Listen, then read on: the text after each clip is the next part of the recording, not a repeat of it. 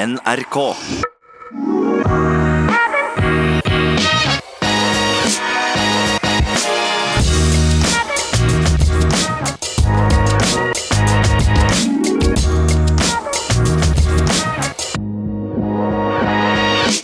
Hjertelig velkommen skal du være til en ny episode av I det lange løp. En spennende episode har vi på gang. Vi skal høre fra Narve Gilje Nordås, som i løpet av vinteren krøp seg inn i Team Ingebrigtsen, og nå trener eh, nærmest daglig med gutta borte i Sandnes. Hvordan er livet på innsiden av Team Ingebrigtsen, og hva er egentlig grunnen til at han har blitt voldsomt mye bedre i løpet av sesongen på de lengre distansene, og også på mellomdistanse. For litt av temaet i dag det er rett og slett hva er det som skjer i norsk løping? Folk løper fort i år, folk har trent bra, og det er eh, mye artig. Det er tirsdag kveld. Eh, vi har akkurat avsluttet en sending på NRK fra nok et friidrettsstevne der Jakob Ingebrigtsen vant 1500 meter og Karsten Warholm vant 400 meter hekk. Men ikke før hadde vi kommet oss av lufta, så får vi melding fra Italia. Hedda Hynne setter ny norsk rekord på 800 meter. 1.59,15. Og blåser jo Ingvild Måkestad Bovims gamle rekord av banen. Hva sier du da, Christian Ulriksen?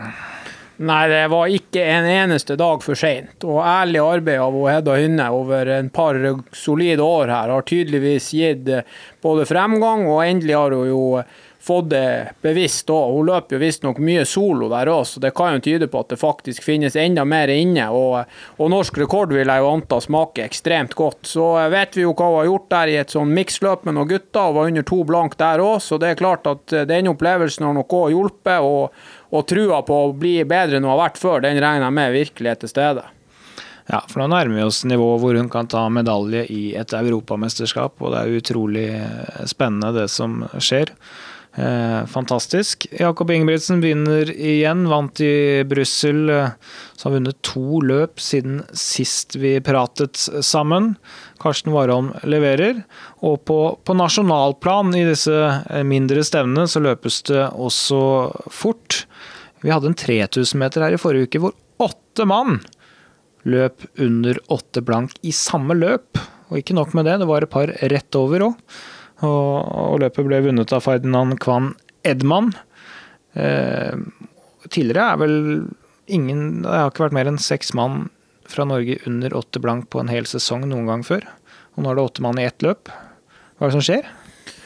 Nei, prøvde å ha en liten vareopptelling her med han godeste Ola Sakshaug, og vi var vel på en 20-25 nordmenn altså, som kan springe 3000 meter på åtte blank eller fortere. Og da er det jo selvfølgelig et nivå vi aldri har vært i nærheten om, og så vet vi hva vi har inne på toppen med Jakob og for så vidt han Henrik og han Filip, og så er det faktisk sånn at det fylles på radig nedover hele veien. Vi har folk nå helt fra verdenstoppen til, til bra europeisk nivå. så jeg skal ikke si for mye om hva korona kan ha medført, men, eh, for det er jo ofte sånn at det tar lengre tid enn tre-fire måneder å bli god å springe, men at det er mange som har knekt treningskoden, og at det er flere som satser seriøst på løping, og at det er blitt litt mer trendy å holde på med løping, og at eh, en del av kanskje folk som ville satsa langrenn, nå satser løping. Det er jo helt sikkert. Og så får vi jo se her nå fremover hvor mange av de her 750-løperne som kanskje kan bli 740 eller enda bedre, for da begynner vi liksom å få mange som hevder seg på høyt internasjonalt nivå. Det skjer jo ting i kvinneklassen òg. Vi hadde jo intervju med Amalie Setsen for eh, to uker siden, som har løpt 4.09, bedre enn på lenge av en norsk kvinne. Eh, så Hedda Hynne nå, med 1,59. Så det skjer ting liksom over hele linja. Er, er, eh, er treningskunnskapen blitt bedre i Norge? Ja, det vil jeg jo tørre å påstå. For det om det ble trent sabla godt her av en par enkeltutøvere, med Marius Bakken og Jim Svenøy og de guttene i spissen, så var det jo liksom en og annen som holdt på litt for seg sjøl, og, det var noe helt andre forhold da. Nå er det, det er flere som trener i lag. Det er nok eh, blitt litt bedre kompetanse på den gjennomsnittlige trener òg. Og så tror jeg jo litt det der trua på at eh, når naboen liksom har sprunget på åtte blank, hvorfor skal ikke jeg kunne springe på åtte blank? Det er noe med det der òg, liksom. Det er noen som går foran her og, og bryter barrierer, og så følger det på en haug med folk bak der igjen. Er det Ingebrigtsen-effekten? Ja, det må man jo eh, være ganske klar på, at de guttene har eh, har hjulpet godt til. og han, eh, Gjert han har flytta på en del folk og en del systemer og en, en, del sånne kulturelle ting i idretten som gjør at det å rett og slett bare si at mitt mål er å bli best, det liksom blitt litt akseptert i, i løping òg nå. For det om vi er hvite og vi kommer fra Norge og vi har helt andre utgangspunkt enn andre i form av talenter, så viser det seg jo at den treninga vi kan gjøre i Norge, den er den er helt, helt på toppnivå i verden, og da kommer det også utøvere som kan hevde seg deretter. Ja, Vi ser det i yngre årsklasser òg. Norge er med å, å, dominere yngre årsklasser i Europa på en rekke distanser. Eh, mange talenter som løper fort i ung alder. Det er litt dette vi så i sykkel for noen år siden, når uh, Thor Hushovd på en måte banet vei. Eh, Edvald Boasson Hagen og Kristoff har kommet etter. Men vi har jo sett da yngre norske utøvere har har virkelig vært med å prege Eh, store ritt internasjonalt eh, blant yngre i tiden etter det, og det var ingen selvfølge for, for 20 år siden. Så det er litt av det samme som jeg syns eh, er i ferd med å skje i, i friidrett nå. Ja, jeg er helt enig i det. Og så kan vi jo debattere sånn finansielle løsninger når man begynner å komme opp i en alder der man er ferdig på videregående, man begynner på et universitet, og så satser man litt mens man nesten ikke er på skolen. Så har man noe stipend fra Statens lånekasse, det går rundt, men så blir man liksom litt eldre, ferdig på universitetet, man er kanskje 3-4-25, og så må man ta noen harde valg. Og, og, for de aller fleste så er det jo sånn med utholdenhetsidrett at, at du er jo ikke på ditt beste når du er 22 år, du er jo kanskje på ditt beste når du er 30 eller noe der i hugget. litt avhengig av hva du holder på med. Så jeg håper òg at, at, vi kan få på plass et, et, system i Norge som gjør at det er flere som, som rett og slett tør å holde i idrettssatsinga litt til, liksom. Det kan ikke være sånn at de eneste som skal satse idrett i Norge, enten så er de verdensmestere eller så spiller de fotball. Hva andre ting har skjedd siste uke? Jo, en av våre tidligere gjester har rett og slett vært med i VM i helga. Gustav Iden, triatleten, eh, var i Hamburg for å være med i VM. Et VM som vel ble annonsert på et par ukers varsel. Delte meninger om det internt i triatlonmiljøet, det kan man forstå. Det er veldig kort tid på å legge opp en, en to, uh, toppform, og det gjorde vel at enkelte toppløpere eller topputøvere ikke var der òg. Ingen stor suksess individuelt for, uh, for Norge. Brukbart i kvinneklassen, men Blommenfelt og Iden lykkes ikke fullt helt. og ble ikke noe, langt, ble ikke noe plassering godt opp i, i topp ti der. Men i lagkonkurransen så stilte jo Norge lag da i miksstafett, som er OL-øvelse. og Det er første gang Norge stiller lag i denne øvelsen. Smakk rett inn på fjerdeplass med en kanonavslutning av Gustav Widen. Og der har vi jo eh, ei jente som er litt, skal vi si nyere i idretten enn de andre, som har mye å gå på og som trener veldig bra. Hun kommer til å bli bedre neste år. Der har vi en meget mulig OL-medalje for Norge, så det var morsomt å se. Ja, og det at det dukker opp noen jenter er jo også naturlig. Så får vi håpe at det miljøet de har i Bergen, med, med gode trenere, de, de folkene som er der, at de klarer å fortsette å bygge stein på stein. Det er jo, det er jo fire år siden Blommenfelt var i Rio og, og, meldte litt hardt i media i forkant. Det var mange som ikke visste hvem han var, og plutselig så sto det i VG at en, en nordmann fra Bergen skulle vinne OL-gull liksom, i triatlon. Så mange sperrer jo på øynene, men det har jo vist seg nå i ettertid at han, Blommenfelt er glad i å melde høyt tidlig, og så av og til leverer han, og av og til leverer han ikke. Men, men vi, er liksom, vi er med der på nok en øvelse, og vi snakker om en sinnssykt stor idrett. Så det er bare å følge med på de triatlonguttene nå. De er unge, og de har i hvert fall to OL igjen. Vi må snakke litt om det å løpe langt også. Eh, vi snakket jo om Mo Farah i forrige uke, og dette timesløpet han skulle løpe i Brussel. Vi har jo hatt eh, dette som en eh, utfordring i hele sommer. Jeg tror vi skal runde av den utfordringen nå. Nå satte Mo Farah verdensrekord med 21 km 330 meter, ble det vel, på, på Mo Farah. Da lar vi han toppe den statistikken. Så hva syns du? Nei, det er jo greit å avslutte med verdensrekord. Da er jo på en måte lista lagt litt deretter. Så får vi se hva 2021 bringer, og hvilken eh, øvelse vi skal ta med oss inn i året og ha konkurranse på. Men eh, vi har fått sett mange gode prestasjoner på, faktisk på banen der, på entimesløp, som, eh, som ikke er en normal øvelse, og som vi ikke har fått sett så mye av tidligere. Men jeg jeg har respekt for guttene som, som rett og slett springer over, over 21 km, altså rundt og i sirkel på den banen. Og når du ser jenter som Sifan Hassan også i dag, som er med på, på 5000-meteren, så ser man jo at det, det løpet der koster. Så det blir spennende å se hva han far har funnet på. Han skal være harde der i London. og Sondre skal springe i London, så får vi jo se her. Nå røyker jo Valencia Marathon også, dessverre. Det går tunge rykter om en sånn eliteutgave i Valencia òg, så får vi se om vi klarer å lure noen nordmenn med der. Men, men utover det så, så, ser det ut som vi må, vi må gjøre opp gateløpene litt i det små her i Norge, og så får vi håpe at, at folk henger seg på. Ja, får håpe at alle som eh, har noe å gjøre på et gateløp, melder seg på NM Hall, i hvert fall, som er i starten av oktober på, på Jessheim, sånn at vi kan få ordentlig gode løp der oppe. Jeg skal bare ta denne timesløpsutfordringen. Det var vel i rundt mai vi begynte den. Det er jo da Sondre Norstad Moen som kom lengst av eh, nordmenn. Han har jo ikke vært inne og tasta inn tallene selv, men vi, vi har jo plassert han inn eh, selv her. da. 21 km 100 og 31 eh, meter, var det vel, på Sondre Nordstadmoen. Vi i, i denne poden har jo godkjent alt av gateløp, baneløp, uansett hvor folk har løpt. Så her, her stopper vi ikke han, selv om han løper i, i, next prosent.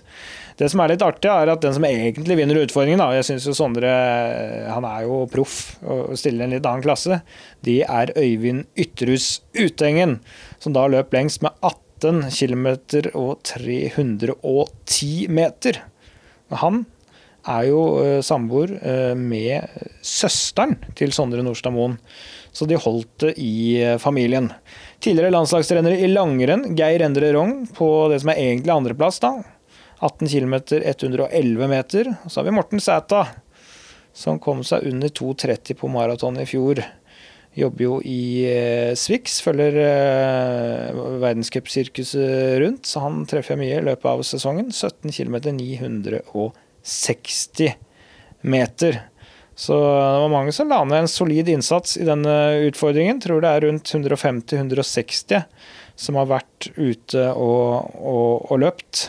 Så det, det, må vi si oss eh, veldig fornøyd med. Men uh, med, med, ny verdensrekord så, så kan iallfall alle sammenligne seg selv mot de beste i verden. Det er egentlig det samme det går ut på.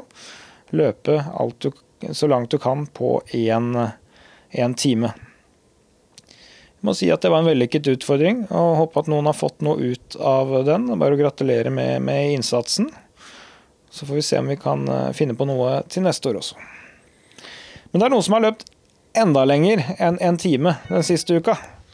Vi hadde altså en nordmann som heter Stian Andersen, som satte ny norsk rekord på 100 miles.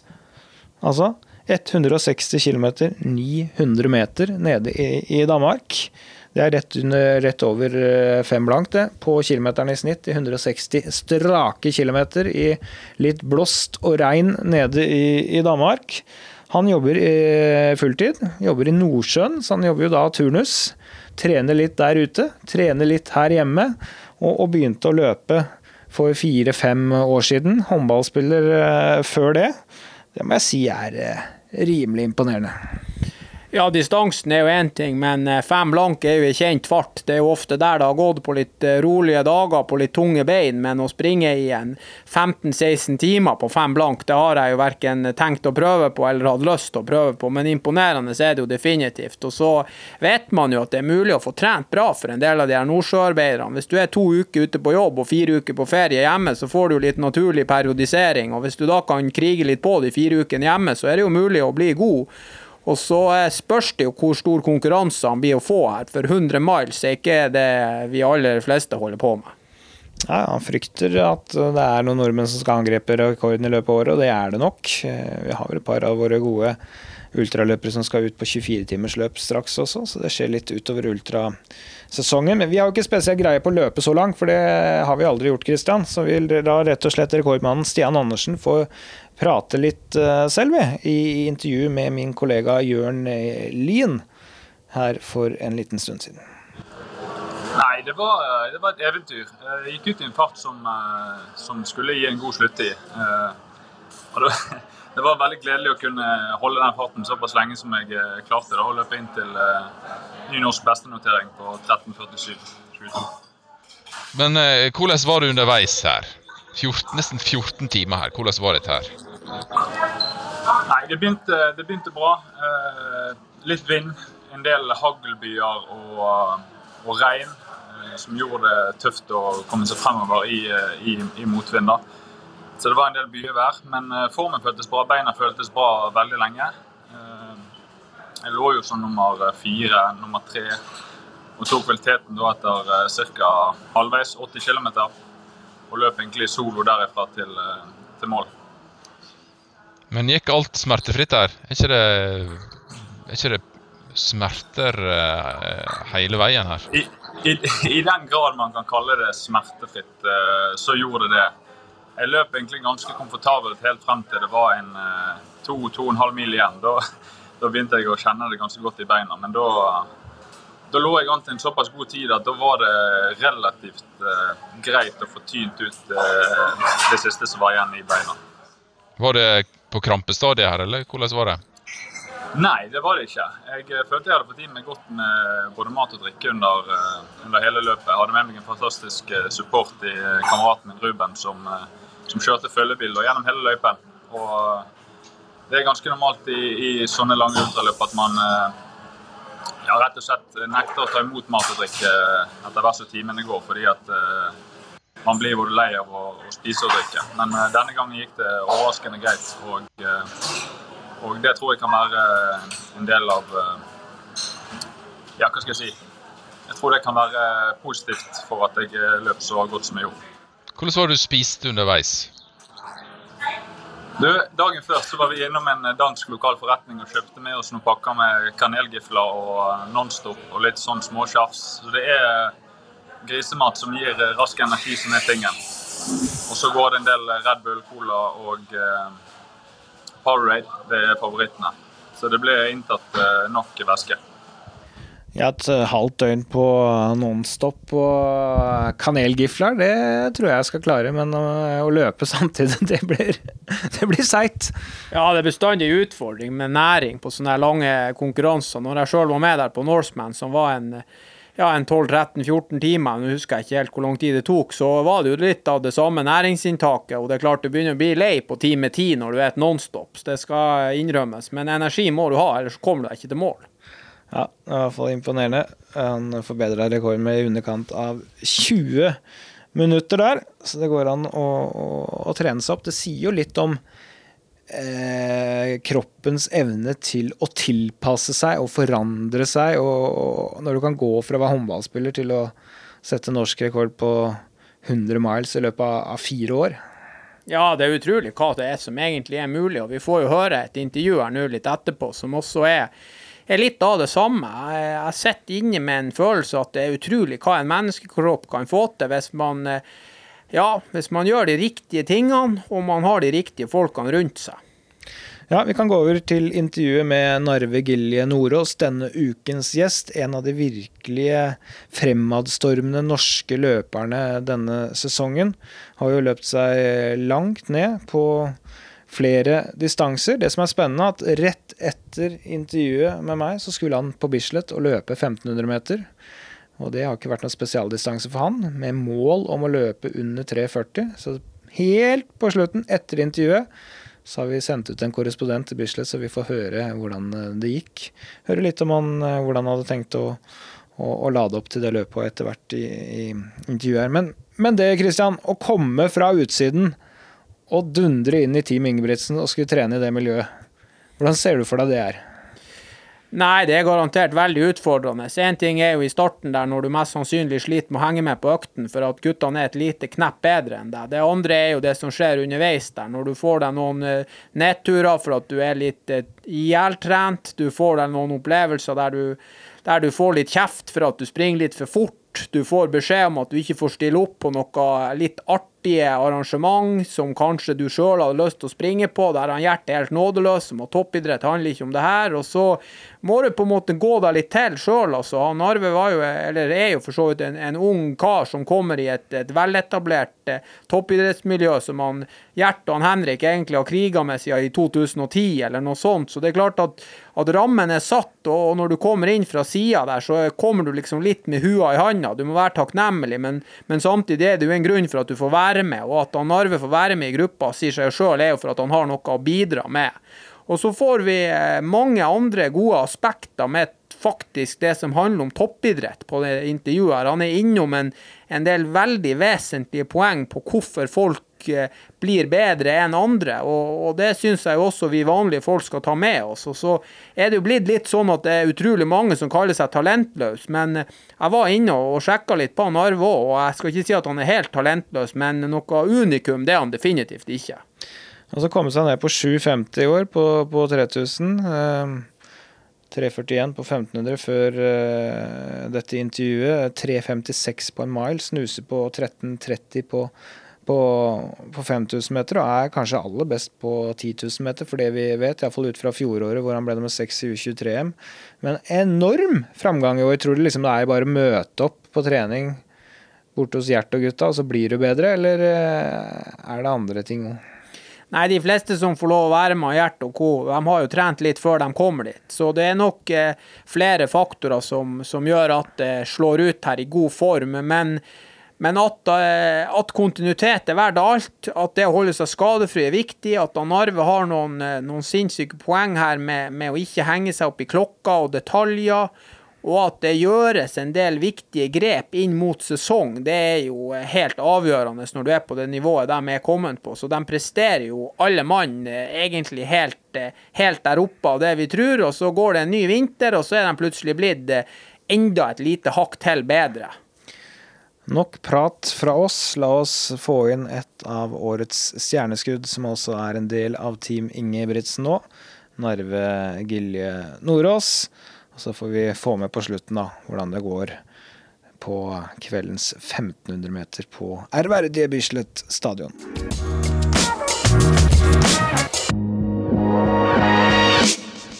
Da har jeg fått besøk av en av de som har definitivt vist størst framgang i eh, norgestoppen, og som nærmer seg europatoppen denne sesongen. Narve Gilje Nordås han har jo eh, klint til med 3,56 på mile.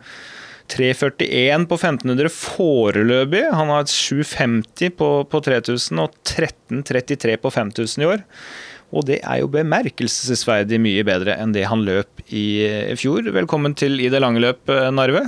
Jo, mange takk for det. Det er kjekt å endelig få sette en fot inn i dette studiet her, da. Så det er utrolig gøy og en ære å være med i denne podkasten. Det, ja, det. det er hyggelig at du har tatt turen helt inn uh, til NRK. Du skal løpe i, i kveld på ærverdige Bislett stadion. Hva er det som venter? Da er det 1500 meter, og da håper jeg å krype under 340-grensa. Enda helst enda litt fortere enn det, for den milen jeg sprang på 356, den tilsvarte jo ifølge disse Scoring tablesene rundt 3.39 låg, så hvis jeg kommer under 3.39, så skal jeg iallfall kunne si meg fornøyd med det, da. Da begynner vi å nærme oss meget bra tider. Det er altså bare én familie i dette landet som har løpt under 3.37,4. Så dere vet sikkert hvem det er, så da skjønner du at det begynner å gå fort med 21-åringen her. Du, hvor kommer du fra? Jeg kommer fra Vold på Jæren. Det er rundt ti minutter med bil sør for Sandnes. Du hører kanskje en liten antydning på dialekten at jeg ikke er helt ifra den urbane delen av eh, Sør-Vestlandet. Så det er da ute med kysten. Du er jo Altså, du har ekstremt gode treningsforhold mens du uansett hvor du går, om det er skog, om det er sjø, om du vil ha flat asfalt, flat grus, Altså, det er den mest sentrale plassen du kan tenke deg. og så løper du for uh, Sandnes idrettslag, da. Uh, det er jo blitt en voldsom langdistanseklubb. Og, må jo da besøke de urbane strøkene innimellom, da. Det blir noen turer inn til de urbane strøkene et par ganger i uka, spesielt når du skal gå unna på trening, så da er det fint å ha noen å springe i lag med. Og da passer det godt at det fins folk som er like ekstreme som meg når det gjelder trening, og har den samme oppfatning at de må trene to økter hver eneste dag for å bli så gode som mulig. Så det er litt sær gjeng da, som er samla der inne på Sandnes stadion klokka seks på, på tirsdag og torsdag for å trene intervaller, men ikke sant? Du må jo omgås de folka som, som, ofte er bedre enn deg, for å ta, ta de rette stegene. Jeg har uttalt at dette er en av de bedre treningsgruppene i hele verden. At du kanskje må til noen miljøer i Etiopia, Kenya og, og et ett eller to i USA, kanskje, for å være i nærheten av å matche dette. Så det er ganske eksklusivt selskap. Det kan vi komme tilbake til. Men eh, hvor, hva er, du er 21 år nå. Hva, hva er din idrettsbakgrunn? Jeg begynte å springe. Det var egentlig det første jeg gjorde. Den første idretten jeg noen gang begynte med, når jeg var rundt seks-sju år gammel. Eh, og Da var det liksom naturlig for meg at far min tok meg med ut for å vise meg denne her gleden han hadde i den sporten sjøl. Og det var ikke lange turene jeg begynte å springe, men si en tre-fire kilometer da jeg var rundt seks-sju år gammel et par ganger i uka. Så ble det bare mer og mer, opp til fem-seks, seks-sju, opp til fire ganger i uka. Men det var egentlig aldri noe seriøs trening. Det var bare å mest springe det du var god for, det mest hver eneste økt, fram til jeg var ja, rundt 16 år. Det var jo først da jeg kom inn i denne gruppa med, med Ingebrigtsen-brødrene. Ja, men du må ha begynt å løpe konkurranse på et eller annet tidspunkt her? Jeg var alltid med på sånne lokale stevner, noe som heter Jærbladcupen. Da sprang jeg ofte ja, Så det var jo begrensa hvilken distanse det var. Den lengste distansen var jo ofte 200 meter. Og kan mildt sagt si det sånn at jeg kjenner ikke med mestringsfølelse der, for uh, de raske muskelfibrene de er ikke til stede i min kropp, for å si det på den måten. Så det er klart uh, Noe mestring kjenner jeg aldri på, da, for jeg var jo langt bak de beste selv i min krets på min alder. Jeg var aldri i nærheten av noe nivå nasjonalt, og iallfall ikke internasjonalt. Så. Men jeg kjente alltid en glede i det å springe. da. Rett og slett bare enten være ferdig med økta, eller bare være ute og springe. Eh, men drev du med annen idrett i det hele tatt? Jeg begynte å spille fotball organisert når jeg var åtte år gammel. Og jeg hadde såpass dårlig sjølinnsikt at jeg ga meg ikke før jeg var 15 med det. Så Du var ikke noe balltalent? Jeg var ikke noe eh, balltalent, så jeg er absolutt ikke noe idrettstalent. Jeg sier sjøl at jeg eh, mangler både det som er både finmotorikk og grovmotorikk. Så det er absolutt ikke noe talent i noe som helst. Men fram til du var 16, hvor strukturert vil du si treninga var? Det, altså, jeg kan si det betegnes som veldig lite strukturert trening, da. Det viser igjen at uh, det var en person som ikke hadde noe særlig kjennskap eller kunnskap til utholdenhetstrening. Og det var spesielt en periode der jeg var mellom 10 og 12 år, der det meste gikk alt jeg kunne på, på samtlige økter. Da kjente jeg jo for første gang på det som heter for stagnasjon. Og det er klart, du må jo ta noen grep da, og bruke de erfaringene du lager deg, til å lage en litt bedre struktur, da. Men det var ikke før jeg kom i kontakt med, med Team Ingebrigtsen at jeg virkelig fikk en skikkelig struktur og en helt annen kunnskap om trening. Og dette var fem år siden, altså sånn rundt 2016, da? Første gangen jeg kom på den treninga, der var vel høsten 2014. 2014, ja. Ja, så det er faktisk seks år siden. Tida går fort, den. Seks år siden. Da, da har altså Henrik Ingebrigtsen blitt europamester i 2012. Han ble fem i OL. Han tok medalje i EM da i 2014. Sølv. Eh, litt i forkant du dukker opp på trening der. Philip var også med i EM det året og ble slått ut i forsøket. Jakob er eh, ett år yngre enn deg. Eller to. To år. To år, ja. Um, og det er, det er, jo ikke hvilket som helst selskap, samtidig som nivået er ikke så høyt som nå. Men hvordan blir du plukka opp der? Ble egentlig aldri plukka opp. Det var sånn jeg fikk en melding av en, eh, en venn av meg som heter Øystein Wergeland. Han var jo òg i den gruppa, da. Hvordan han hadde funnet sin plass der, det vet ikke jeg, men nå var han iallfall en gang der. da fikk han en, en melding av han, og da lurte han på om jeg ikke skulle begynne å trene der. Så dro jeg jo litt på det. Jo, ja, jeg vet ikke helt, men så kom jeg halsende da en uh, septemberdag i 2014 med hullete sko og altfor store klær, og det var absolutt ingenting som matcha der helt uten kunnskap, så det var, litt av et kultursjokk, jeg må si det. Og det er jo klart at uh, en EM-finalist ikke bare det, men en som tar både gull og sølv på 1500 EM, det er klart du blir litt starstruck da. Ja, og en, og en, far som er trener og kan framstå noe bestemt. Eh, hvordan var det å fra styre trening og ikke ha så mye kunnskap og dukke rett inn på, på trening der og, og se hva som foregikk rundt deg? Hvordan var det? Så det er klart, den lengste intervalløkta noen gang jeg hadde hatt før jeg kom der, det tror jeg var ja, seks ganger 1000, kanskje, da. Og det første jeg gjorde den dagen jeg kom der, det var det rett på 12 ganger 1000 og 25 ganger 400. Uh, så det er jo klart det ble noe helt annet. Det var tungt i begynnelsen, og jeg gikk jo selvsagt på en trening som jeg lå etter noen måneder. Så, men etter hvert så du får bedre kjennskap til å styre intensiteten, så blir det mer en rutine av hverdagen, da, det harde arbeidet. Og etter hvert så, så koster det mest ingenting. Du føler ikke du ofrer noe med tanke på trening. Eh, hvordan eh, følte du, Hvor raskt følte du kunnskapsnivået steg? Allerede på første økte, da. Og spesielt det, jeg var jo ikke vant med at det var noe som heter intervallsko. Det husker jeg reagerte voldsomt på. Altså, jeg sprang jo i de samme skoene i ett til to år i strekk, ca. 4000-5000 km. De var jo ikke mye demping igjen i. Mens de kunne jo bytte sko flere ganger underveis i økta. da. Så det var det første jeg reagerte på, iallfall. da. Så allerede de første sekundene så tenkte jeg ok, det der er sikkert ikke så dumt, da. Å ha noen litt lettere sko når du ikke springer fortere. Hvordan vil du beskrive treningsfilosofien som møtte deg? Veldig enkel.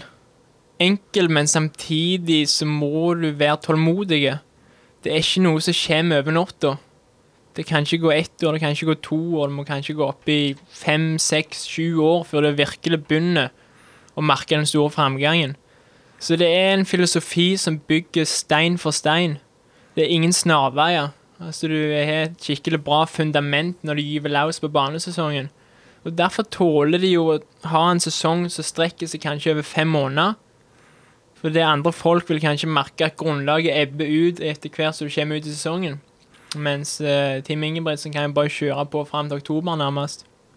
Første møte da i 2014. eh, Men det var ikke sånn at det var eh, en rett vei rett opp i løpehimmelen for deg heller. Du skal være ganske interessert, hvis vi går halvannet år tilbake, for å vite hvem du var, selv om man følger med litt på, på løping. Og jeg oppdaget jo deg først og fremst da du ble nummer seks i U23-EM i fjor. og, og løp deg godt under 29 minutter på mila. Da hadde det skjedd noe. Eh, Hvordan var de fem åra på veien der? Altså, det er jo klart, når du er 100 talentløs, sånn som jeg karakteriserer meg sjøl, Det er rett og slett, som jeg sa tidligere, det er ingen fin motorikk eller grov motorikk. Og hvis du ser tilbake på videoene når jeg sprang for fem-seks år siden, det ligna jo ikke grisen. Det var det verste jeg noen gang har sett. Altså, det var jo ikke bare overkroppen og hodet som bevegde seg i alle ja, men altså under beltestedet òg, det var jo ingen kontroll på noen ting som helst, da. Og det er klart du, du bruker litt mer tid på å forme en utøver, da. Hvis det er null talent. Men samtidig så håper jeg å kunne vise at selv om du ikke er noe talent, selv om du ikke er den eneste medalje i UM, så kan du bli god som senior. Eh, var du hele tiden bestemt på veien her at du skulle satse løping? Altså, når jeg begynte i 2014, så var jeg klar på ok, jeg kan godt bli god, jeg kan godt nå et NM-nivå ta NM-kravet senior, men jeg skal aldri begynne å trene to økter om dagen. Det blir ikke aktuelt. Det sliter der. Men så gikk det vel en ni måneder, og så var det jo to daglige økter, da. Så det har tydeligvis skjedd en overbevisning ifra, ifra noen. Ja, Hva var det du mener som skjedde, som var, eh, var sånn at det ble fristende å satse såpass? Det er vanskelig å si. altså Jeg har egentlig aldri sprunget for å bli veldig god og for å nå et OL-nivå.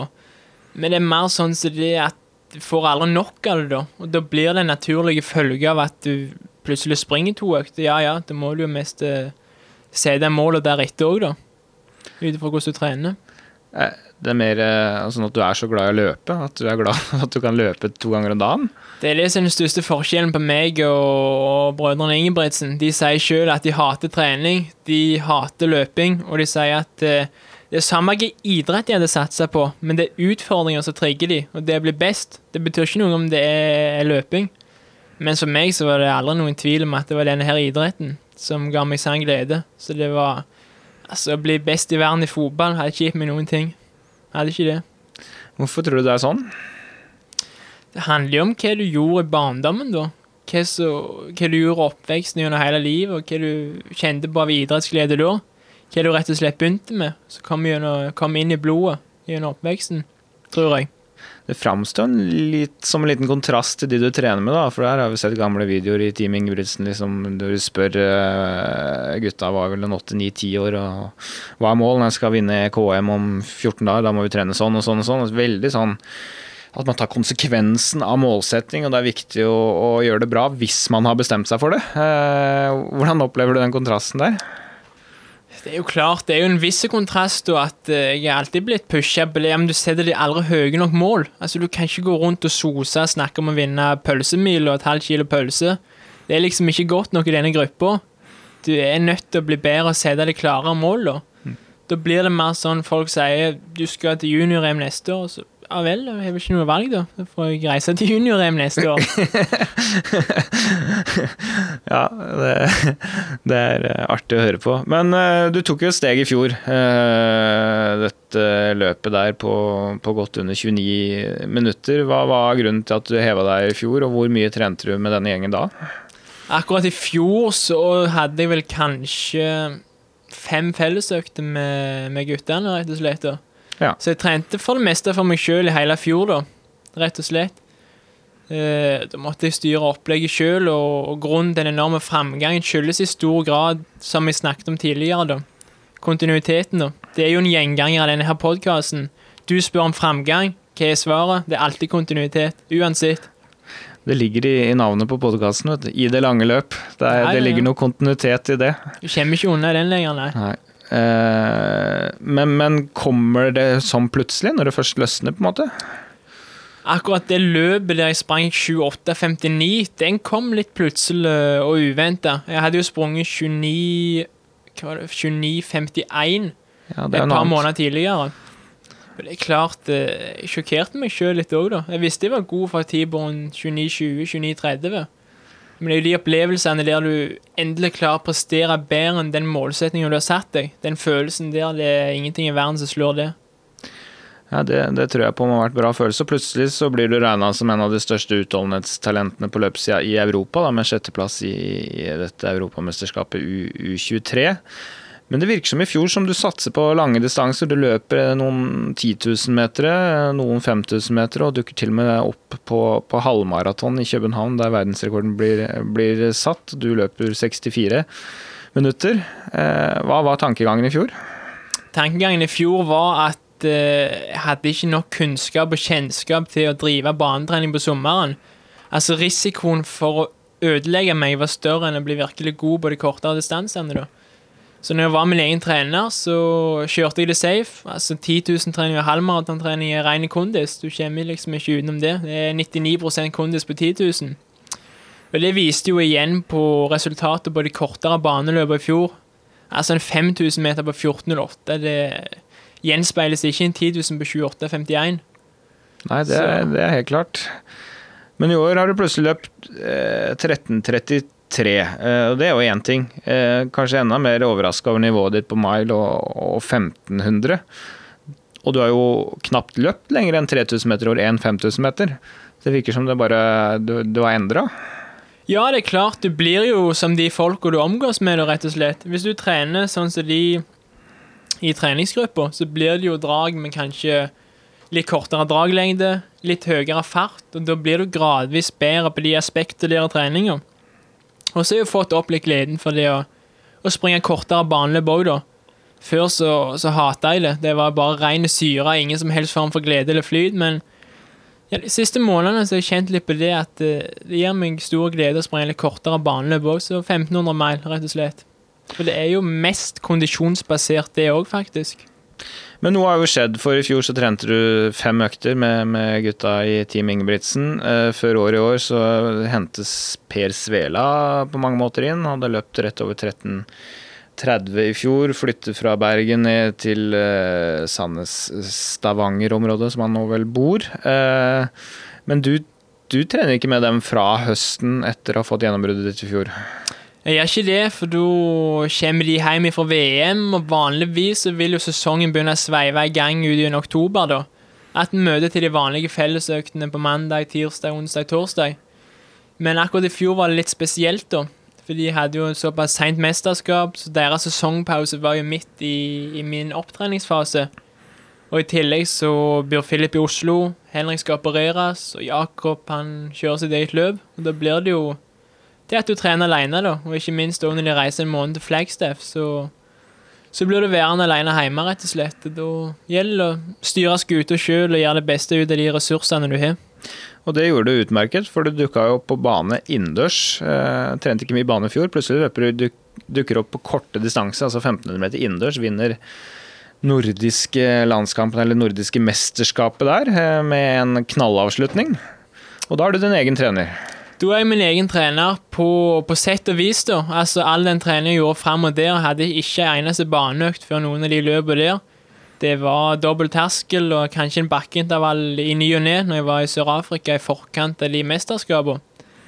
Men utenom det så var det rett og slett bare ren kondisjon, da. Så det vil jeg se på som eh, båndnivået mitt på mellomdistanse. Ja. Og det båndnivået det begynte å bli bra nok for å trene med Team Ingebrigtsen igjen, for da, da dukker du plutselig opp på treninga der. Hva skjedde? Du kan si det sånn, det var jo litt hell i uhell med denne her koronasituasjonen, da. For de kom jo hjem fra Sør-Afrika litt seinere enn meg, ut i slutten av februar. Og så har jeg jo alltid pleid å møte dem på et par fellesøkter ut gjennom våren, da, fram til de reiser til, til Flagstaff. Mens denne gangen pga. korona så fikk de jo ikke muligheten til det. Og da ble jeg egentlig bare værende og trene flere og flere økter med de, Og ble òg introdusert for uh, treninga deres i sommerhalvåret og banesesongen.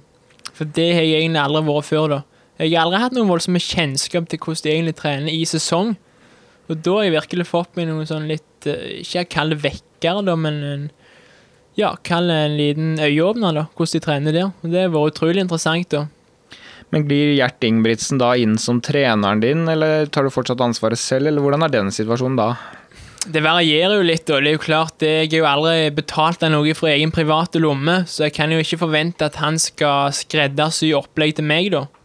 Så da får jeg ta det jeg får som bonus. Det hender jo av og til at det drysser noen program på meg hvis jeg skal trene det samme som Henrik eller Per Svela, f.eks. Men hvis jeg skal springe egne løp som han ikke mener jeg skal springe, da får jeg være så god til ansvaret sjøl og sette på opplegget sjøl. Eh, på Impossible Games på Bislett da, så er du på start, regnet som Team Ingebrigtsen, som skal løpe mot Team Cheriot fra, fra Kenya. Så da er du iallfall eh, fullt og helt inne i varmen og nærme, eh, en del av teamet. Ja, det kan du si. Du kan si eh, at det nærmest pika der, da. At det var en bekreftelse på at OK, du er en del av gjengen, da. Og det setter jeg pris på, da. Å kunne titulere som en del av Team Ingebrigtsen, det er jo ikke hvem som helst som kan det. Du var jo så vidt inne på det i stad, men eh, jeg har også hørt at, eh, at Team Ingebrigtsen tidligere har vært litt sånn i tvil om på hvor profesjonell satsingen din har vært, om du liksom er villig til å ofre alt hvis du går et par år tilbake. Har det endra seg nå har du blitt enda mer profesjonell, eller hva vil du si selv? De hadde nok et uh, veldig godt poeng der, da. Det var nok en grunn til at uh, det trenerforholdet til Gjert sklei litt ut gjennom våren 2018. Da jeg satt skada på et hotellrom i Flagstaff. Det var en situasjon jeg i aller høyeste grad hadde satt meg i sjøl. Eh, jeg hadde gjort trening og jeg hadde trent 180 km gjennom hele vinteren, men jeg hadde jo neglisjert alt det som skjer utenom treninga. Jeg var ikke villig til å si opp de to jobbene jeg hadde. Jeg jobbet i den perioden som eh, avløser på gard. og Da var det opp halv sju om morgenen, tre timer i fjoset, ut på første terskeløkta i titida, restituere litt i fjoset igjen klokka fire, ut på neste terskeløkt i sjutida. Og da er det bare et tidsspørsmål om før du, før du er skada eller overtrent eller sjuk. Og I tillegg så jobbet jeg òg på, på løplab som skoselger og sto og trødde rundt på betonggulvet der. Og det er jo klart ingen av de delene er optimale med tanke på å restituere med løktene og bli så god som du vil. da. Så har Hjerta satt noe krav når du skal inn igjen i gruppa uh, i forhold til dette her? Han har ikke det, men altså jeg føler jeg prøver å overbevise ham med å vise at nå er jeg villig til å satse på best mulig måte. Nå jobber jeg ingenting lenger. Det eneste jeg gjør nå, er å studere ja, kall det 100% på papiret, da, men i praksis studerer jeg 20 i, i innsatsmessige Ja, kall det det, da.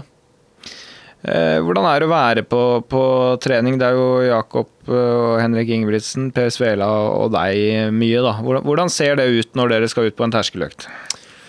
Da får vi som regel Jakob med oss på oppvarminga. Av og til stikker han opp den siste bakken hvis, eh, ja, hvis han har lyst til det. Og så blir det jo meg, Henrik og Per gjennom hele vinteren som er trent i lag. Og ofte får vi med daglig leder i Sandnes, Geir Eikeskog, på sykkelen, som ligger foran et taue i de utfordrende vindforholdene på Sandnes stadion. Mens Jakob i stor grad springer for seg sjøl, for han holder et mye høyere nivå enn alle oss tre andre på ja, alt av type økter. Så han, eh, han, må gjøre mye av jobben selv. Hvilken fordel har dere andre tre av å kunne være tre hele tiden? Vi har en enorm stor fordel. da. Hvis du er to personer, så vil du jo være mye mer sårbar hvis en blir skada. Og Henrik har jo en tendens til å bli det, da, dessverre. Så da har jo meg eh, og Per hverandre nå når han er ute med skade. Det er klart det hjelper jo på det. Samtidig så vil det alltid være en som er en tung dag, og da vil det være en som er litt lettere med å pushe nivået, sånn at du hele veien hever kvaliteten over treningsarbeidet gjennom hele våren. Det vil kanskje gå litt fortere hele tiden òg, hvis dere kan ligge bak hverandre og, og sykle i tillegg, enn om du skulle ligge aleine i vinden litt sør for Sandnes der. eh, Det har en tendens til å blåse litt. Eh, Det er kanskje en fordel at det går én til to sekunder fortere per kilometer hele tida. Det er helt riktig. Det, det var jo først eh, når de reiste til høyden i St. Moritz at jeg virkelig merka hvor mye det hadde å si. da. Enkelte økter jeg kjørte med de, kunne gå fem til ti sekunder fortere per drag hvis det var snakk om en 1000 meter, og måle, måle. Så det er klart, det, det tenkte jeg ikke først over sjøl heller, at det var det som var årsaken til at farten gikk ned.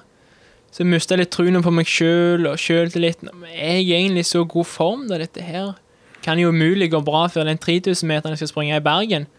Så da sleit jeg litt med det, at jeg trodde jeg var rett og slett ute av form før den 3000-meteren. Men det viser jo bare hvor mye det betyr å ha noen på treningsfeltet som er bedre enn deg, og pusher deg på hver eneste økt. Interessant det der. Ehm, Men du har jo gjort enorme steg i år. Det er 35 sekunder bedre på 5000 eh, mile. Hadde du ikke løpt før, men eh, vi kan jo bare gjette at det sikkert er en forbedring på 7-8-10 sekunder. eh, Ut fra 1500-forbedringa. Når merka du at ting begynte å skje? merka det egentlig gradvis gjennom hele våren. Jeg ble bedre og bedre hver eneste uke på de spesifikke øktene og på terskelen. Så det er klart, det skjer ikke over natta, det skjer en gradvis forbedring. Og i vinter så var jo allerede nede på 3,45 på 1500. Så det viser jo at det skjedde en liten forbedring gradvis gjennom hele housen òg. Kun med kondisjonsbasert arbeid, rett og slett. Sånn så I fjor så tenkte jeg at eh, Narve Gilje Nordås han er en mann som kanskje burde satse halvmaraton i EM i, i sommer, eh, når vi trodde det skulle gå EM. Eh, det er det letteste krav for han å ta. Kanskje han gjør det best der. Eh, men hva slags type løper altså Du har bevist at du er noe helt annet i år. Eh, hva tenker du å satse på? Ja, På sikt så kan det jo være vanskelig å si, men uansett, når du er 21 år, så er det for tidlig å satse halvmaraton. Du kan si hva du vil. Hvis du er i en situasjon der den eneste distansen du klarer å kvalifisere deg til et europamesterskap, er halvmaraton, som 21-åring, da har du et problem, altså. Du må jobbe med svakhetene dine. Og for min del så er alltid det vært syretoleranse over lengre tid, som du ofte får kjenne veldig på på distanser som 3000 og 5000 meter. Og for at flytfarten i f.eks. 10 000, halvmaraton, kanskje maraton på sikt òg, skal føles lettere ut, nærmest ut som jogging, så må du jobbe med underdistansene. Så enkelt er det. Skal du bli en topp 10 000 meter-løper, så, så må du langt ned på 330-tallet på 1500. Eh, Så nå eh, så er du litt usikker på hva som kommer til å bli din beste distanse på sikt? På sikt så vil det nok alltid bli det lengste, da. For du blir jo alltid seigere med åra, så det er jo klart det jeg tipper 10 000 og halvmaraton på sikt vil bli mine beste, da. Mens de neste to-tre åra så vil jeg nok mest sannsynlig fokusere på 1500 og 5000. Og Der begynner det å bli hardt å kvalifisere seg for norske lag, da. Hva tenker du om det? Det er klart det er brutalt, det, men samtidig så vil du alltid være på til ethvert tidspunkt den beste i Norge bak eh, brødrene Ingebrigtsen. På hver distanse. Det er jo det nivået du må ligge på. Det er nivået jeg har tenkt å ligge på i året framover òg. Kanskje krype forbi noen av de òg, hvis de blir skikkelig invalide i året som kommer. Ja, det er jo en tendens til at en eller to av dem er ute innimellom, så det går an å utnytte det. Men hvorfor ikke bli like god? Du er 21 år og har hatt enorm framgang. Hvorfor kan ikke du løpe så fort? 3.28 kommer jeg aldri til å springe. Nei, men eh, la oss si 13.02, da. Det er ikke umulig, men samtidig så ligger det en eh, enorm jobb foran der, da. Og det er klart 12.59 vil jo alltid være et drømmemål for en 5000-meterløper med, med respekt for seg sjøl. Eh, samtidig så er jo de 30 sekunder ja, Snakk om tre-fire år med den samme kontinuiteten jeg har hatt nå. Så vil jeg ikke se på det som er mulig. Hvis vi ser på lengre distanser, så, så er jo Sondre Nordstad Moen, som har vært sjefen så langt, eh, 27 20-tallet på, på 10 000, som den norske rekorden ligger på. Eh, hva tenker du om et sånt nivå? Det er et brutalt nivå. Det er et ekstremt høyt nivå. Samtidig så er det jo der en ønsker å være sjøl òg, da. Det er derfor jeg jobber såpass mye på kortere distanser nå. For å kunne flyte bedre i den farten du springer på på 2720 på, på 10 000 meter. Da er det jo 1340 per 5000 meter. Det, det skal mest føles ut som jogging første halvdel. Og det er liksom den følelsen der jeg jobber med å få til underveis. Denne fremgangen fra i fjor, jeg er ikke helt ferdig med det. Har du endra noen type økter? Er det ingenting du kan peke på? Styrketrening, andre ting? Er, er alt likt som i fjor? Det er bare at du løper fortere? Nei, Det er nok ikke helt likt som i fjor. da. Det er jo som jeg sier, det med den banetreninga har blitt eh, introdusert for. I fjor kjørte jeg jo som sagt kanskje bare to baneøkter. Ei 1500 meter økt, så sprang jeg en 1500 på 3,49. Ei 5000 meter økt, så sprang jeg 5000 på 14,08. Så hadde vel kanskje ei baneøkt før NM òg, da. Det gikk ikke så bra, det, da. Så det handler jo om at du får en kontinuitet i det òg, da. Nå kan det jo ofte være tre baneøkter i uka. Det er jo like mange økter jeg hadde i hele fjor. Så det er jo klart, du jobber jo veldig med syretoleransen, da. Det er spesielt den jeg føler jeg forbedra i år. Følelsen til bare å kunne tåle syre, springe med 10-12 i laktat uten at du ja, føler at du stivner lenger. on. Så det er mer den konkurransespesifikke treninga. Riktig. Samt så har jeg jo fått et ekstra år med den eh, grunnleggende basistreninga i banken, som gjør at jeg tåler denne treninga enda bedre. Skjer det noe med selvtilliten din når du kan ligge rett bak eller rett foran en mann som Henrik Ingebrigtsen hele vinteren? Det er klart det at selvtilliten stiger noen hakk da, men så, så kommer Jakob i mål og har sprunget 2,40 på 10 ganger 1000 og måler 2,0. og Da detter han på bånn igjen, så det er klart det, eh, de holder han i fin balanse på trening.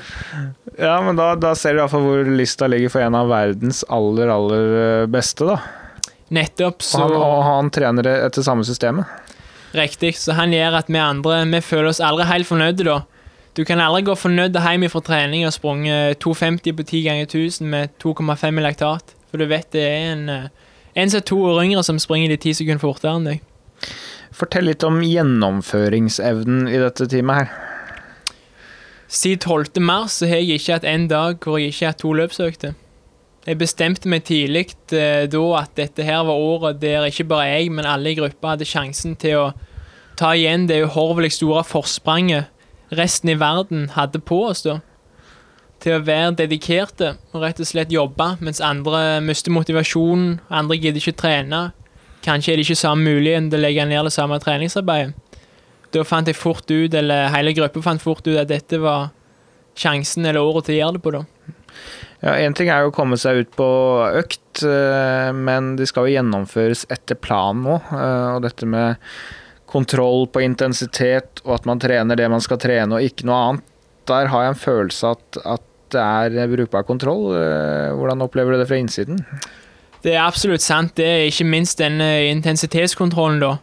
Hvis det står eh, maks 2,5 laktat på ei økt, så måler du ikke over 2,5. Det skjer kanskje én av 100 ganger i løpet av et år. Og hvis du gjør det, da får du virkelig høre det òg, da. Hvis du måler over det du skal, eller hvis du pusher farten på ei økt, da blir du Det blir lunsjestemning på, på treningsfeltet. Hvem er det som sier fra da? Det er vel den som føler seg tyngst, da. Hvis jeg føler meg tung en dag, og jeg akkurat klarer å holde den farten som står oppsatt på, på treningsprogrammet, mens Henrik er dum nok til å springe to sekunder for fort på draget, og jeg er nødt til å slippe, da er jeg fort oppe med hånda og forteller hjertet at her gikk det for fort. Det er eh, om å gjøre å, å, å få det tilbake på det nivået man har den dagen. Jeg skjønner det. Eh, men hvorfor er det der så avgjørende? Det handler om balansen, da. Som toppidrettsutøver så balanserer du hele tida på en knivsegg. Det er ikke mye som skal til før du kommer inn i en ond sirkel. Hvis du måler litt høyt på kanskje en morgenterskel, så vil det påvirke kveldsterskelen, at du er litt tyngre der. Hvis du ikke er flink nok til å ta hensyn og springe litt seinere enn det du pleier, for å ta hensyn til morgenøkta, så vil den òg bikke ut i ei økt som måler for høyt. Da Da vil du bli desto tyngre dagen etterpå. og skal du følge Jakob på rolleøkt da, så blir det jo fort 340-fart, og det er jo ikke sone 1 for enkelte av oss. Og da er det fort gjort å bikke over, altså. Det er det. Ja, for jeg, sånn jeg tenker eh, på det treningssystemet, vi har jo vært igjennom det i denne podkasten her noen ganger tidligere, er at en uke eller to med det, det tror jeg mange kan klare. Men å sette sammen det her i tre, fire, fem, seks måneder i strekk og, og, og løpe etter det jeg forstår en 160-180 km i uka, med så mange kall det kvalitetsøkter, terskeløkter, kall det hva du vil, det kan ikke være lett.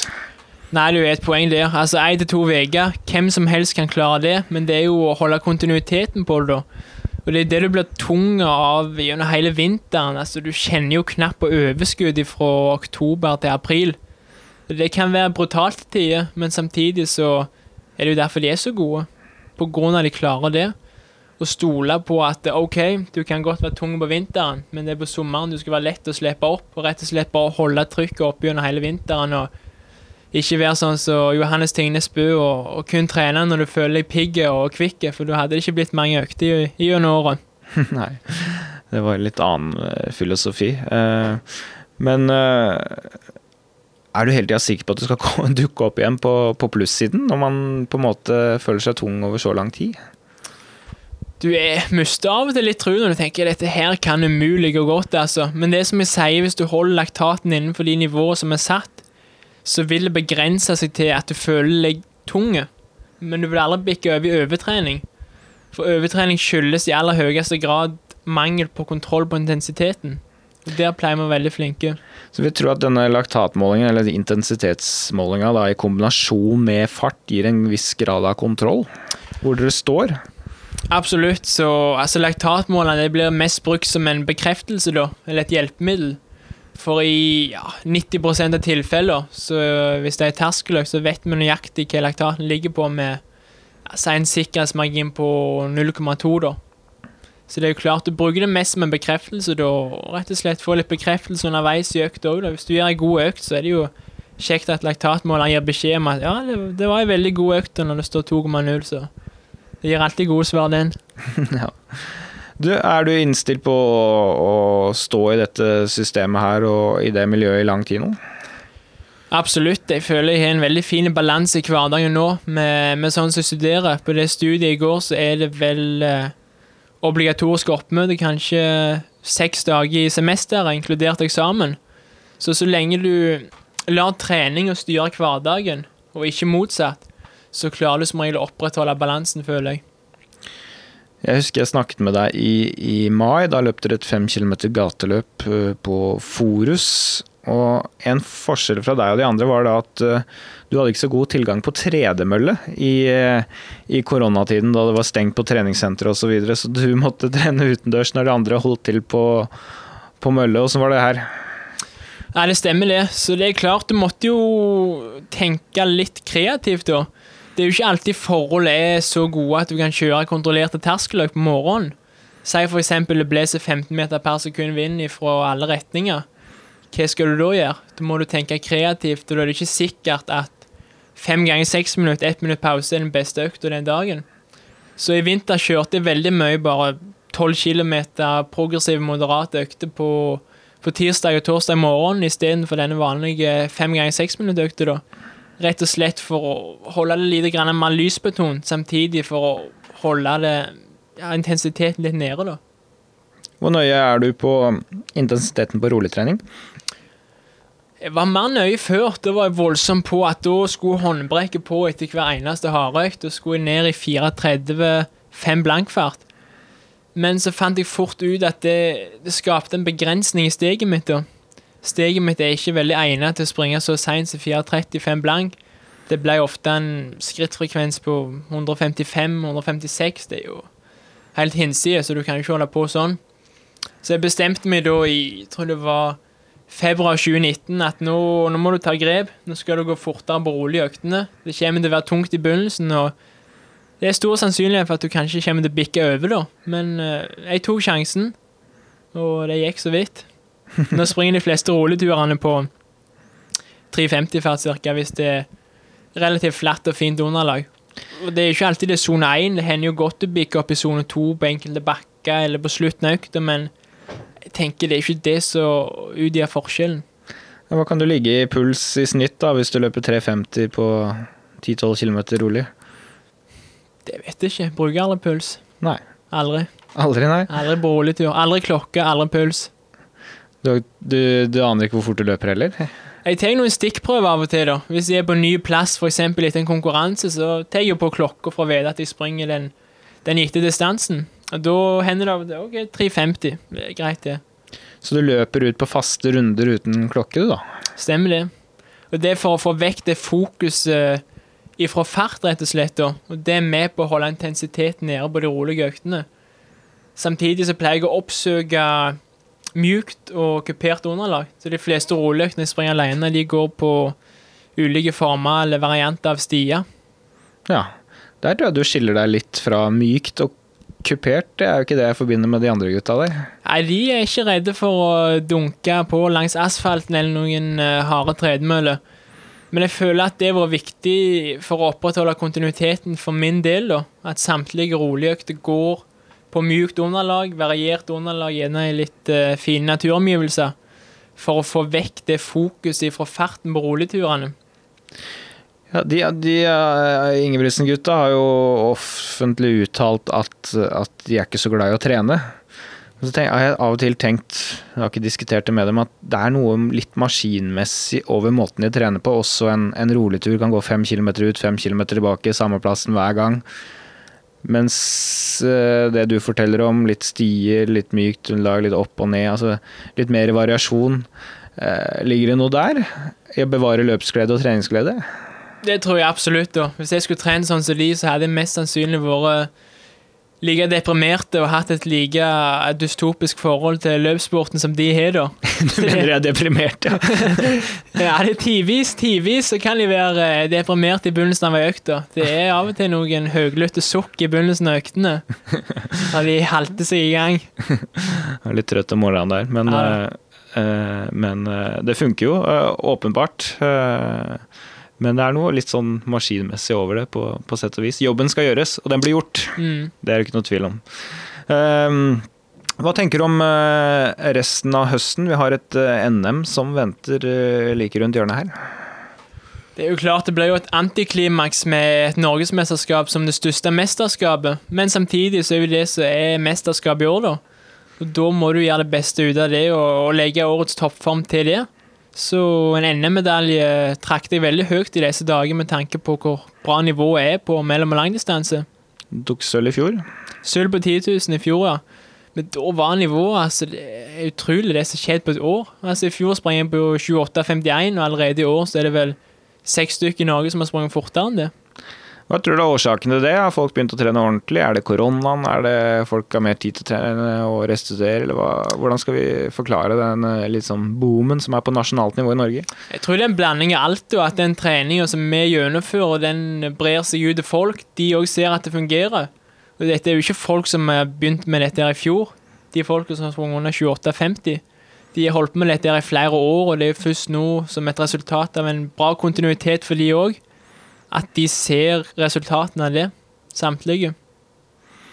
Vi skal øh, snakke litt om hva som kreves da, for å bli god i langdistanseløping. Hvilke egenskaper må være der, og hva kan du trene deg til? For det første må du være disiplinerte. Du er nødt til å være dedikert, og du må ha en indre driv. Det må aldri være noen som forteller deg at du skal komme til OL. Du må mest kjenne på det sjøl. Kanskje kan de trigge det med å si det, men samtidig så må du ha den her indre driven som får deg ut to økter hver eneste dag, rett og slett. Det er det som skal til. Å stå i det uansett om det er litt tungt noen dager. Talent trenger du iallfall ikke. Talent trenger du ikke. Du kalte deg selv talentløs, det hørtes jo helt hinsides ut, men du mener det? Jeg mener det 100% Så hvis du går inn på YouTube og søker opp eh, Parkløpet 2015, så vil du få noen eh, bilder av meg som kommer halsende bak på femteplass. Og da kan du forstå litt hva jeg mener, da, hvis du tar deg tid til det. Så det vil jeg anbefale alle å gjøre. Se hva det er snakk om. Så du mener det er rett og slett snakk om å gidde? Det er snakk om å gidde, ja, rett og slett. Og så kunne holde på i ti år med det samme. Det er det som skal til. Og det, det er du innstilt på? Ja, fem år til nå, så må det begynne å bli bra. Nei, men det begynner å, å, bli bra, ja. Det, det høres, eh, høres bra ut. Det blir noen kilometer, da. Hvor mange kilometer blir det i året? Jeg tror jeg telte at hvis jeg kommer opp til 8000 i år, så skulle jeg være fornøyd. Så det er det jeg sikter meg inn mot. Men det blir litt mindre nå i, i banesesongen, så jeg får kneppe til litt når oktober kommer og får noen gode mengdeveger som får meg over 8000 dette året. Blir det noe gateløp? Blir det noen andre stunt uh, utover høsten? Så jeg er veldig glad i å springe halvmaraton, så jeg får se hva jeg får lov til av Gjert hvis han skal blande seg inn i det. Men jeg skulle gjerne sprunget halvmaraton, altså. Det. Det er definitivt den kjekkeste treninga, syns jeg. Det er halvmaratontrening. Ja, mye av intens eller farten deres ligger kanskje rundt halvmaratonfart på trening? Nettopp, men det handler jo òg om at du skal kunne holde det i over en time. Så det er jo litt det som er forskjellen. At uh, halvmaratontrening vil du gjerne kjøre noen langturer i, i halvmaratondistanse hvor, hvor, du avslutter i halvmaratonfart på slutten, da. En sånn økt er jo de soleklare favorittene i treningsarbeidet mitt. Ja, og det ser vi jo ikke så mye av hos de andre, i hvert fall. Um, så lange økter som går så fort. Men det kan jo hende at, uh, at uh, det kommer etter hvert. Vi får se hva slags distanser Henrik og etter hvert de andre dukker opp, når vi skrur ti år fram i tid. Det blir spennende å se. Men du, eh, hvis du skal gi noe råd til mosjonister som skal prøve å få maksimalt ut av å, å trene, la oss si fem ganger i uka. Hva ville du lagt inn? Da ville jeg hatt langturen. Altså, de fleste mosjonister satser jo ikke på 1500 mil. Det er som regel 10 km, halvmaraton og maraton du går i. Og da kommer du ikke utenom langturen. Og den ville jeg gjort spesifikk eh, annenhver uke. Den ene uka ville jeg tatt den rolig. Bare funnet meg et fint naturområde. Funnet en sti, sol, medvind, hele pakken der. og så bare sprunget med Jeg ville rett og slett bare kasta klokka. Ikke at det er en barmen sikker klokka var når du sprang ut, og så sikker den var når du kom tilbake igjen. Så du skal springe 90 minutter, så springer du 90 minutter. Da slipper du å tenke på farten. Mens den andre uka ville kanskje gjort den litt mer spesifikke, og da er det lov å ha klokka på. Da vil jeg kanskje oppsøkt litt den farten på slutten av økta som du ønsker å holde i konkurranse, da. Kjøre en progressiv variant hvor du begynner rolig og, og sveiver i gang, sånn som kenyanerne ville gjort der du avslutter fortere, fortere, fortere ut gjennom økta. Uh, det var langturen. Hvor langt føler du at en langtur bør være hvis du skal la oss satse 10 km, da, som er en vanlig sånn mosjonsdistanse? Det minste jeg ville sagt da, er 15 km. Da. Men det er klart at etter hvert som du blir mer glad i å springe, så føles det så lite. Du får ikke gjort så mye på 15 km. Så hvis du er ute på en flott sti, så, så skal litt uh, til for å snu når du bare har sprunget 7,5 km. Det skal det. Men altså Si 15-20 km. 25 hvis du er veldig glad i å springe. Ja. Litt avhengig av nivå, selvfølgelig òg. Uh, ehm, ja, det var langturen. Den var obligatorisk. Da har vi fire økter igjen å spille på. Så ville jeg iallfall hatt ei intervalløkt òg. Ei terskeløkt. Du trenger ikke å tenke på noe som helst form for uh, syretrening. Og du trenger ikke noe fancy pulsbelte eller pulsklokke for å vite om du springer på terskel. Det er nærmest en følelse du kjenner, da. Så når du avslutter hvert drag, så skal du føle at du iallfall kunne sprunget to, tre, fire drag til. Du skal kjenne at når du puster, at lufta går helt dypt ned i magen, samtidig så frekvensen på pusting er høyere enn på, på rolige økter, da. Og eksempel på økter der kan være 10 ganger 1000, 5 ganger 2000 meter, 25 ganger 400. Og det er jo klart det, eh, det går an å tone ned eh, mengden på disse øktene òg. 6 ganger 1000 tre ganger 2000, ut ifra hva nivået er på, rett og slett. Ja, for det er jo litt forskjell når, eh, når dere løper eh, ti ganger 1000, og en mosjonist som kanskje bruker 45 minutter eh, på mila, løper ti ganger 1000. Det er, det er litt lengre per dag da, i antall minutter. Nettopp, så da vil jo en veldig fin ja, si variant av ti ganger 1000 være ti ganger tre minutter.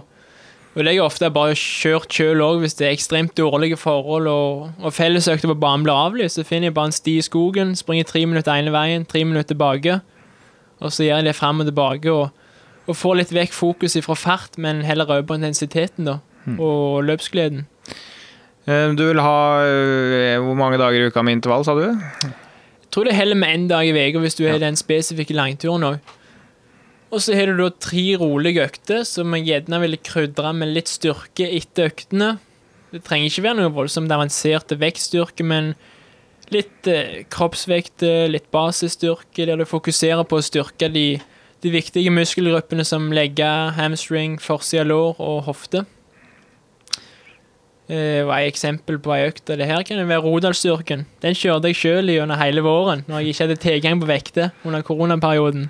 Ja, Den er jo bare å søke opp på, på, på nettet, YouTube.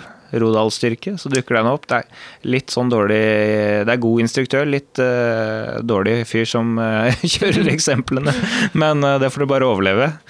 Men det, det, var praktisk. 20 minutter styrke der. Absolutt. Det, altså, hvis du ikke ligger strekk ut når du er ferdig med den økta, så har du gjort en feil. For uansett hvor god du blir på disse øvelsene, så det er en brutal økt. Altså. Det var den økta jeg grua meg mest i hele vinter. Det var verre enn bakkeintervallen. Helt grusom økt, men det ga utrolig stor effekt på ikke minst kjernemuskulaturen, som for min del eh, ja, ikke var eksisterende når jeg begynte med det. Jeg tok to situps, og så brant i magen, så da forsto jeg at ok, nå er det kanskje lurt å gjøre litt mer av det. Et siste spørsmål eh, til mosjonistene. Vi var jo nede på tre vanlige rolige økter her, og du har jo snakket litt om rolig fart tidligere. Hvor nøye ville du vært på dette her i et sånt system? Det jeg ville vært mest nøye på, var følelsen. Du skulle aldri på noe som helst vis føle at du pusher på ei rolig økt. Samtidig så skal du heller aldri se deg håndbrekket på. Du skal ikke føle at løpsøkonomien og bevegelsesmønsteret klapper sammen bare fordi du har bestemt deg for å springe så seint. Jeg ville sprunget det som føltes naturlig den dagen, og ikke hengt meg for mye opp i fart, rett og slett. Og fokusert på en god løpsøkonomi, fram med hofta, oppreist i kroppen, være stolt i holdninga Og bruke skyvemuskulaturen aktivt, dvs. Si legg og hamstring, og prøve å få mest mulig av eh, bevegelsen over på det. Og rett og slett fokusere på, på god og skånsom løpsøkonomi. Gode råd der fra Narve Gilje Nordås. Nå er det ikke så lenge til du skal ut på 1500 meter. Hvordan varmer du opp til et så kort og brutalt løp? Da må jeg ha mer oppvarming. Jeg ville hatt et lengre løp, da. Som på en halvmaraton er det kanskje nok med to kilometer jogg og et par kneløft.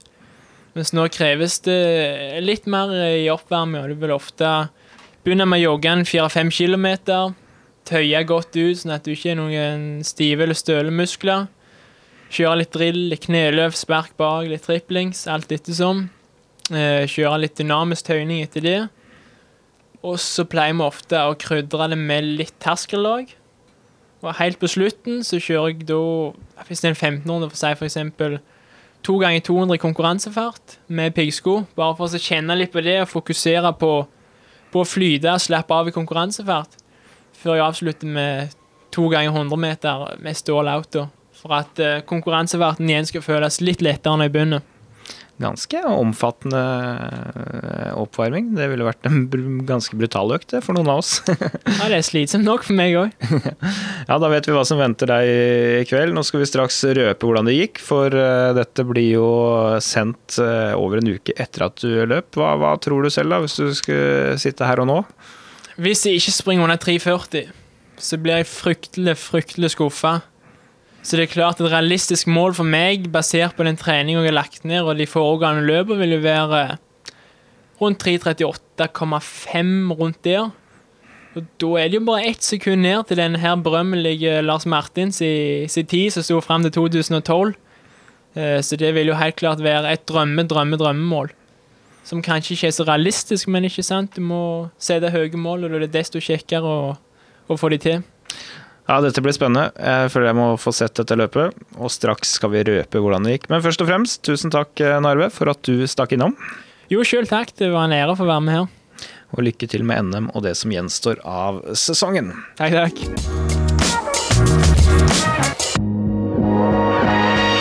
Ja, Det var Narve Gilje Nordås. Vi hørte jo litt her Christian, om eh, oppvarming. Ganske omfattende greier han skulle gjennom før en eh, 1500 meter. Så nøye tror jeg ikke du har varma opp noen gang. Nei, tilfeldighetene er få når de, eh, når de guttene der skal gjøre seg klar til å prestere bra. Og så er det jo sinnssykt godt å se at det slår ut, og at han Narve får sprunget litt av det han har inne. Det er klart på Bislett er litt alene mot slutten. Det var, var sterkt, det han gjorde der òg.